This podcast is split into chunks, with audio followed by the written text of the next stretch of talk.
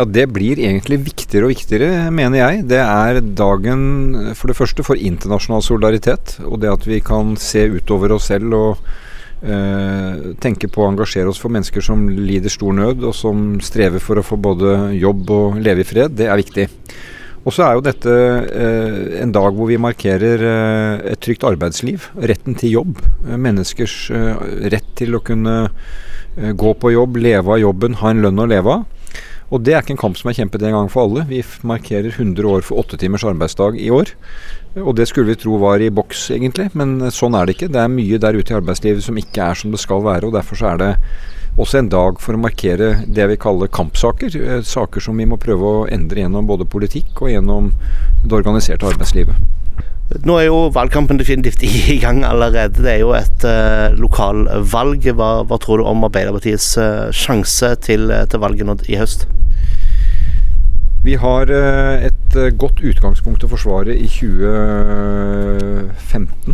Eh, fikk mange ordførerposisjoner. Arbeiderpartiet har betydd noe i de kommunene vi har styrt, med å både bremse opp mye av den politikken som er vedtatt, som har gitt eh, mer midlertidighet, mer eh, deltid, eh, ikke faste og hele stillinger, ikke satsing på lærlinger. Altså mye av det som handler om orden i, i, samfunnet.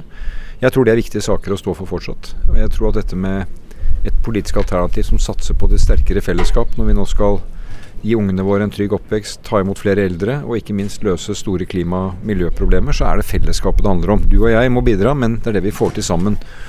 Og det budskapet tror jeg eh, veldig mange nordmenn er enig i. Så hvis vi nå får fokus på politikk og drive god lokal valgkamp, så er jeg optimistisk.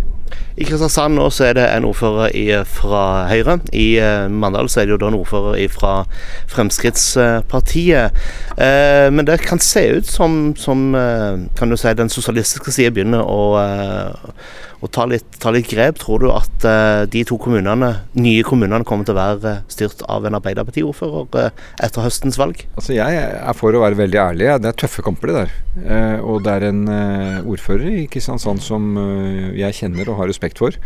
Uh, og som uh, vi skal slå på politikk og på saker og troen hva vi kan få til i årene som kommer. Nå er jo vi en veldig spennende kandidat også med lang politisk erfaring her i Kristiansand, som vet noe om hva det vil si å være ordfører. Uh, og i Mandal tilsvarende en, en, en, en, flott og spennende kandidat.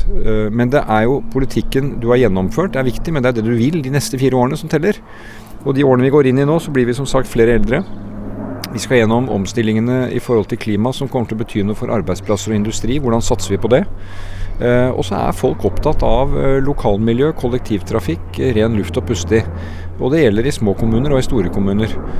Og så vet du at det er jo ikke bare ett partis innsats som avgjør hvem som styrer dagen etter et valg. Det er jo de man klarer å samarbeide med og lage et flertall sammen med. Så alt dette må på plass. Men eh, det jeg ser av forberedelse til valgkamp her, gjør meg iallfall uh, løfterik på at vi skal uh, virkelig uh, gi en, en god innsats her.